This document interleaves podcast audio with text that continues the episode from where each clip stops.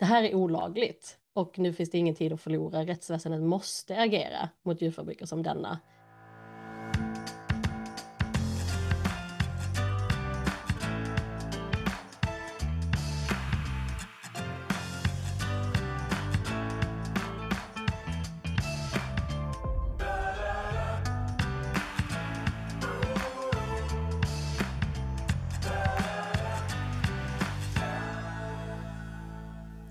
Lyssnar på Djurens rättspodcast på Djurens sida. Det här är Djurens rättspodd. Och vilka är då Djurens rätt? Djurens rätt arbetar globalt för att göra skillnad för de djur som är flest och har det sämst. Det har vi gjort sedan 1882.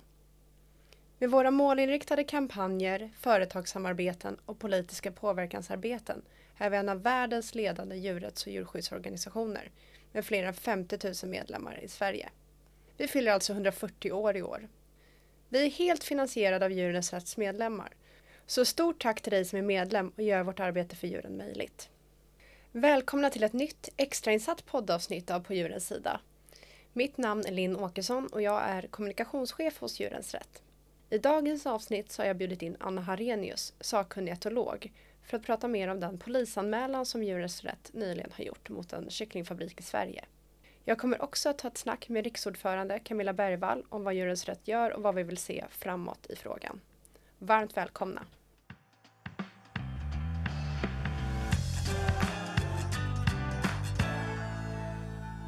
Och varmt välkommen Anna. Eh, vill du börja med att berätta för lyssnarna som kanske inte känner till vad du gör. Vad innebär din roll som sakkunnig etolog hos Djurens Rätt? Tack så mycket. Eh, jag jobbar då som sakkunnig och har gjort det sedan ungefär 2018. Och det jag gör är ju att eh, till exempel faktagranska material som Djurens får in eller tillverkar själva och att jag skriver rapporter och ser till att vi har en vetenskaplig grund i det vi gör och, liknande.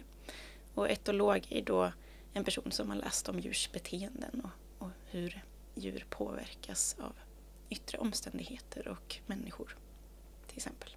Så du ser liksom genom att se på en bild eller film kan du förstå hur djuret mår? Ja, i grova drag. Sen beror ju allt vi ser på väldigt många omständigheter i många fall. Men ja, utifrån hur ett djur beter sig kan jag ungefär förstå vad den kanske känner i den situationen eller vad den vill. Mm. Vi bjuder in dig idag för att berätta om någonting som Djurens Rätt har gjort i dagarna som, som rör det här. Då, då. Vill du berätta vad är det som vi har gjort? Ja, det vi har gjort är att eh, skicka in en polisanmälan och den grundar sig på att vi fick in en stor mängd filmklipp och bilder från en kycklinganläggning, en eh, kycklingfabrik. Och det har jag då tittat igenom och eh, det är väldigt mycket djurskyddsbrister i det här materialet som vi har kunnat då använda som en grund till den här polisanmälan. Och det, det har varit väldigt sorgligt och, och arbetsamt arbete men eh, det liknar materialet vi fick 2018 så även om det är hemska bilder så, så är det sånt vi har sett förut också. Ja, och ehm, varför har vi då gjort en polisanmälan? Vad är det som liksom har framkommit i det här materialet när du har tittat på det? Ja, bland annat framkom det en stor mängd brister kring renlighet. Att kycklingar har haft gödselbrännor och frätskador på fötter och eh, på hud. Men också att de har varit smutsiga helt enkelt. Men också framförallt kring tillsyn av eh, sjuka och skadade djur vi ser döda kycklingar i den här anläggningen som inte har fått vård eh, och inte tagits därifrån eh, utan de ligger där bland de levande kycklingarna.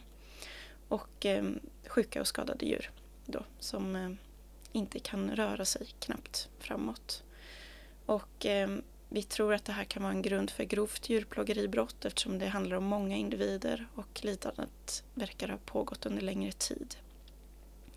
Och vi har också begärt ut kontrollrapporter för just den här anläggningen eh, från Länsstyrelsen. Vilket visar att de har gjort tre normala kontroller på plats eh, sedan 2012. Och tre kontroller på tio år, det är ju inte jättemycket.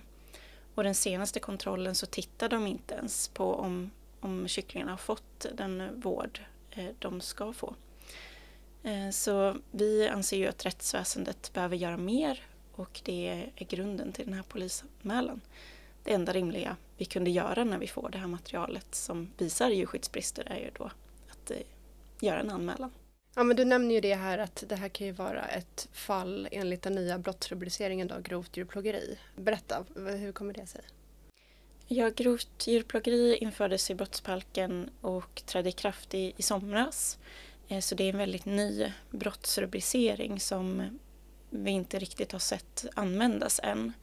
Och eftersom då det har varit många individer som drabbats i det här fallet och eh, att de har eh, drabbats av ett omfattande lidande så tror vi att det kan vara en grund eh, för grovt djurplågeri. Men vi har också tittat på brister i, eh, enligt djurskyddslagen eh, och hoppas då att åklagare och polis tar vidare det här. Ja men bra, och du var ju lite inne på det men vill du berätta hur fick Djurens Rätt tillgång till det här materialet? Det har vi fått in från en anonym källa. Vi vet inte vem det är. Det kan vara en visselblåsare eller någon utifrån. Det vet vi inte. Men vi vet vart bilderna är tagna och vilket datum. Så vi vet att det är ehm, från en kycklinganläggning kopplat till ett företag och att vi vet att det är filmat under hösten nu i september 2022. Ja, men när du tittar på materialet, vad är det du som etolog ser? Hur har liksom kycklingarna det i den här anläggningen? Ja, som etolog drabbas jag väldigt illa av när framförallt de här filmklippen av kycklingar som inte kan röra sig framåt. De har grava rörelsesvårigheter. Ehm, de piper efter hjälp, de försöker ställa sig upp eh, och ta sig till mat och vatten men de kan inte. Och ehm, det måste ha varit en så stor frustration hos den här individen. Eh, att både ha ont, eh, troligtvis då, och inte kunna göra det de vill göra. Det har varit väldigt sorgligt att se. Men sen finns det också många bilder och filmer på döda kycklingar bland de här levande. Det är ju hemskt i sig, eh, för det visar ju, då får jag ju tankar kring vad har den här kycklingen utsatts för för att den ska dö i, i den här anläggningen. De lider kanske inte längre men vad har hänt innan och hur påverkas de levande kycklingarna av det? Um, men vi vet att dödlighet är hög på sådana här kycklinganläggningar med turbokycklingar. Vi vet att många får rörelsestörningar så i sig så visar det vad vi redan visste om kycklingfabriker. Men ehm, det är hemskt att se de här individerna kämpa för sina liv. Och vi, vi ser ju också att det går inte att se till varje individ på de här anläggningarna. Det är tiotusentals i samma byggnad och de kan inte hindra onödigt lidande för varje individ. Ja men det låter fruktansvärt. Jag har ju också sett eh, det här materialet och det är ju, det är ju faktiskt hemskt att se hur eh, kycklingarna lider. Eh, men skulle du säga att det här materialet sticker ut eller ser det ut ungefär så här i alla kycklingfabriker i Sverige? Nej, men jag, jag, anser inte att det här materialet sticker ut så mycket mer än vad jag tidigare sett. Vi fick ju in material 2018 också och det var ungefär samma problem vi såg där. Kanske har tillsynen varit extra dålig i just den här anläggningen, vilket föranlett polisanmälan. Men att kycklingar dör och får rörelsesvårigheter är regel snarare än undantag i de här kycklingfabrikerna. Och vi vet att de räknar med minst 3% dödlighet och sätter in fler kycklingar än vad de får ha rent lagligt vid slakttillfället. Eh, så om alla överlever så bryter de mot lagen eh, i princip. Och vi vet också att eh, genom den kartläggning vi gjorde Ehm, om förra årets djurskyddskontroller på slakterier att runt hälften eller uppemot 74 procent av alla ehm, kontroller har haft brister. Så samtliga kycklingfabriker verkar ha stora problem. Och eh, det har varit i varierande grad och för olika problem. Men mycket handlar om hög dödlighet och att kycklingarna får betala priset. Ja, men du nämner ju det om den här eh, kartläggningen som du gjorde då över bristerna 2021. Och där var ju Kronfågel det slakteri som hade flest djurskyddsbrister. Och den här kycklinganläggningen, eh, det vet ju vi att den levererar ju till Kronfågel, de här kycklingarna. Vad tänker du om det? Ja, Kronfågel hade då 74 procent brister i de djurskyddskontroller som gjordes vid ett slakteri. Och det här är brister som kommer från anläggningarna med frätskador från smutsighet men också att kycklingar inte överlever transporttiden och så vidare. Men sen har Kronfågel också skollat levande kycklingar vilket vi har hört om i Aftonbladet till exempel. Så det här säger ju mig att eh, Kronfågel inte har löst de problem de har pratat om att de ska lösa och de löften de har gett om bättre djuromsorg. Eh, och det hade vi kunnat förstå med de förslag på åtgärder vi, vi såg att de presenterade. Att det inte skulle leda till en stor skillnad. Men eh, de här bilderna och filmklippen visar ju också att eh, det, det har inte hänt någon, någon förändring alls. Så den kyckling man köper i varumärket Kronfågel, där kan man fortfarande inte bli garanterad att de kycklingarna haft det bra helt enkelt? Nej, det är fortfarande turbokycklingar och eh, faktum är att många har dött innan de har kommit till slakteriet. Så är det. Ja, men vill du bara berätta om den här kartläggningen? Hur har den gjorts? Ja, den här slakterikartläggningen, då gjorde vi eh, att jag begärde in material från Livsmedelsverket som kontrollerar på slakterier djurskydd. Eh, och under då 2021. Och eh, det var de fyra största kycklingslakterierna som vi valde ut.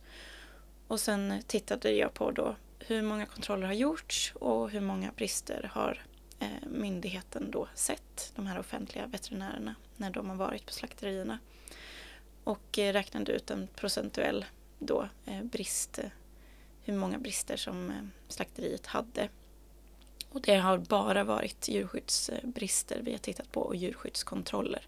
Så 74 procent brister för kronfågel till exempel är djurskyddsbrister, alltså frätskador, dödlighet, skållning av levande kycklingar och eh, annat som har drabbat eh, kycklingarna på ett negativt sätt. Det har ingenting med, med andra kontroller att göra som också görs på, av Livsmedelsverket.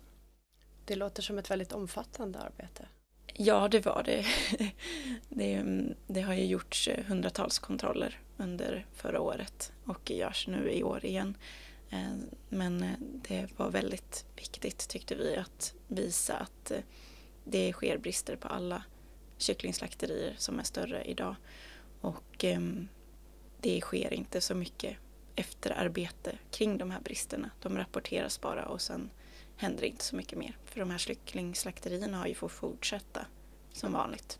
Ja, det blir liksom inga, inga påföljder trots de här bristerna? Nej, inte riktigt. De har försökt eh, döma ut böter eh, kring de här skållningarna av levande kycklingar till exempel. Men eh, det blev inget av det. Och när du tittade på alla de här bristerna då som hade skett under eh, 2021, hur blev du förvånad över hur många bristerna var? Ja, jag blev väldigt förvånad. Alltså 74 procent brister av alla kontroller, det är väldigt mycket. Man ska ju inte brista på någon kontroll, tänker jag, när det gäller djurskydd. Och att eh, nästan alla har bristit är ju det är anmärkningsvärt. Men nu har vi gjort den här polisanmälan då. Vad hoppas vi att eh, den ska leda till? Självklart vill vi då att den här anläggningen eller företaget döms för grovt djurplågeribrott i, i första hand eh, Eh, som vi föreslår i anmälan. Eh, det tror vi skulle vara en viktig framgång för kycklingarna som alldeles för länge har sett som produktionsenheter och brottsmisstankar har sopats under mattan eftersom det anses vara praxis att vissa individer dör i de här anläggningarna. Och jag vet inte om fler minns den här Guldfågelskandalen 2019 som Djurens Rätt också polisanmälde. Då var det tusen kycklingar om dagen som kom in med brutna vingar till slakteriet. Anmälan lades ner av åklagare för att det anses, ansågs vara ungefär lika bra som alla andra anläggningar. Trots att det var då så många kycklingar som led varje dag. Så vi hoppas ju på att den här förändringen i brottsbalken kring grovt djurplågeribrott faktiskt leder till förändring och att vi får se någon typ av dom eller åtal i, i det här fallet åtminstone. Eh, Förut spelade det inte så stor roll om det var en eller tusen kycklingar som led men det ska det göra nu och eh, det borde ju leda till en förändring idag. Så eh, egentligen då så eh, kycklingar som individer de särskiljs då från kanske familjedjur då som hundar och katter för där blir det ju väldigt ramaskri så fort något har blivit behandlad illa liksom. Ja precis, de som har dömts för djurplågeribrott tidigare det har ju varit de som plågat hundar till döds och det är ju hemska brott som har begåtts, så är det. Men just när tusentals kycklingar blir lidande och dör, eh, det har ingen dömts för, vad jag vet, idag. Eh, så vi hoppas ju verkligen att det här kan leda till någon typ av förändring i framtiden. Men verkligen, stort tack Anna för att du kom och berättade om det här. Nu hoppas vi att rättsväsendet tar över då och stänger ner den här fabriken. Det hoppas vi verkligen. Tack så mycket.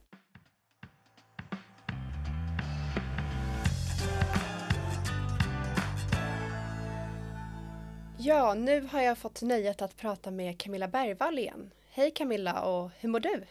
Hej! Jo, men jag mår bra, men eh, jag är också väldigt upprörd över ämnet vi ska prata om idag. Men jag ska, jag ska försöka hålla mig eh, samlad tror jag. Mm. Ja, men det är ju allvarsamt det vi pratar om här och Anna har ju berättat om den polisanmälan som Djurens Rätt har gjort i dagarna mot den här kycklingfabriken.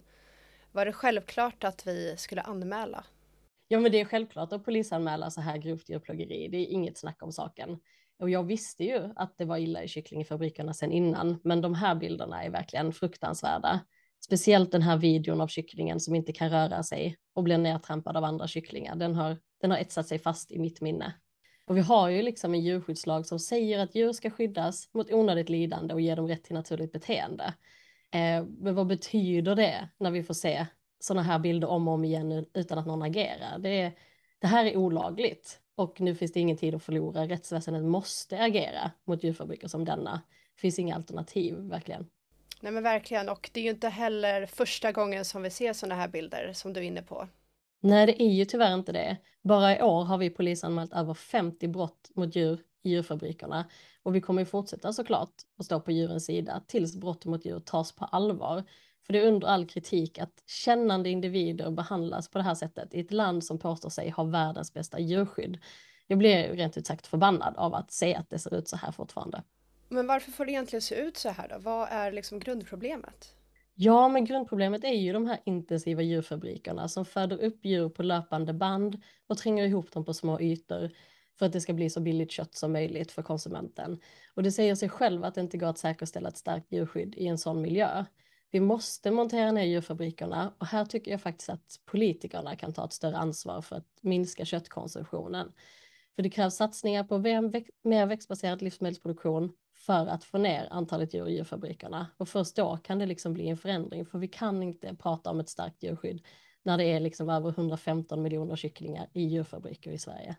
Nej men verkligen. Och eh, de som lyssnar på det här, finns det något de kan göra för att vara med i den här förändringen? Ja men absolut, det finns mycket man kan göra.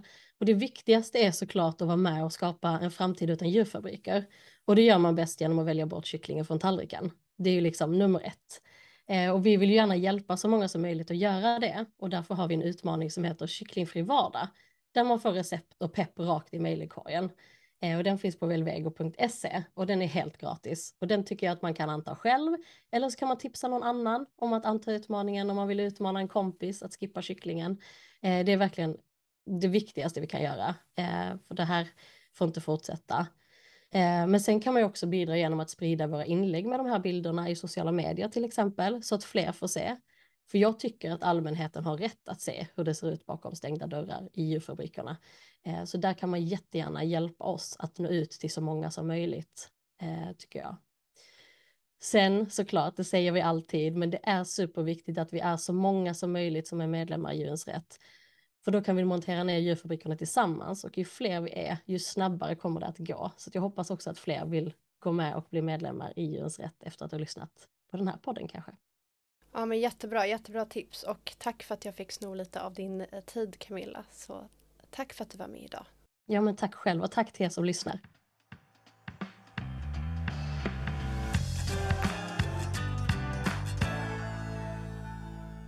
Det var allt för denna gång.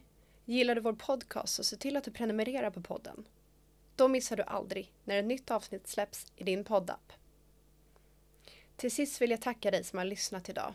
Och det är tack vare våra månadsgivare som vi kan fortsätta göra skillnad för de djur som är flest och har det sämst. Och vi behöver din hjälp. Gå in på www.djurensrätt.se medlem och bli månadsgivare idag. Ha det fint tills vi hörs nästa gång och tack för att du står på djurens sida.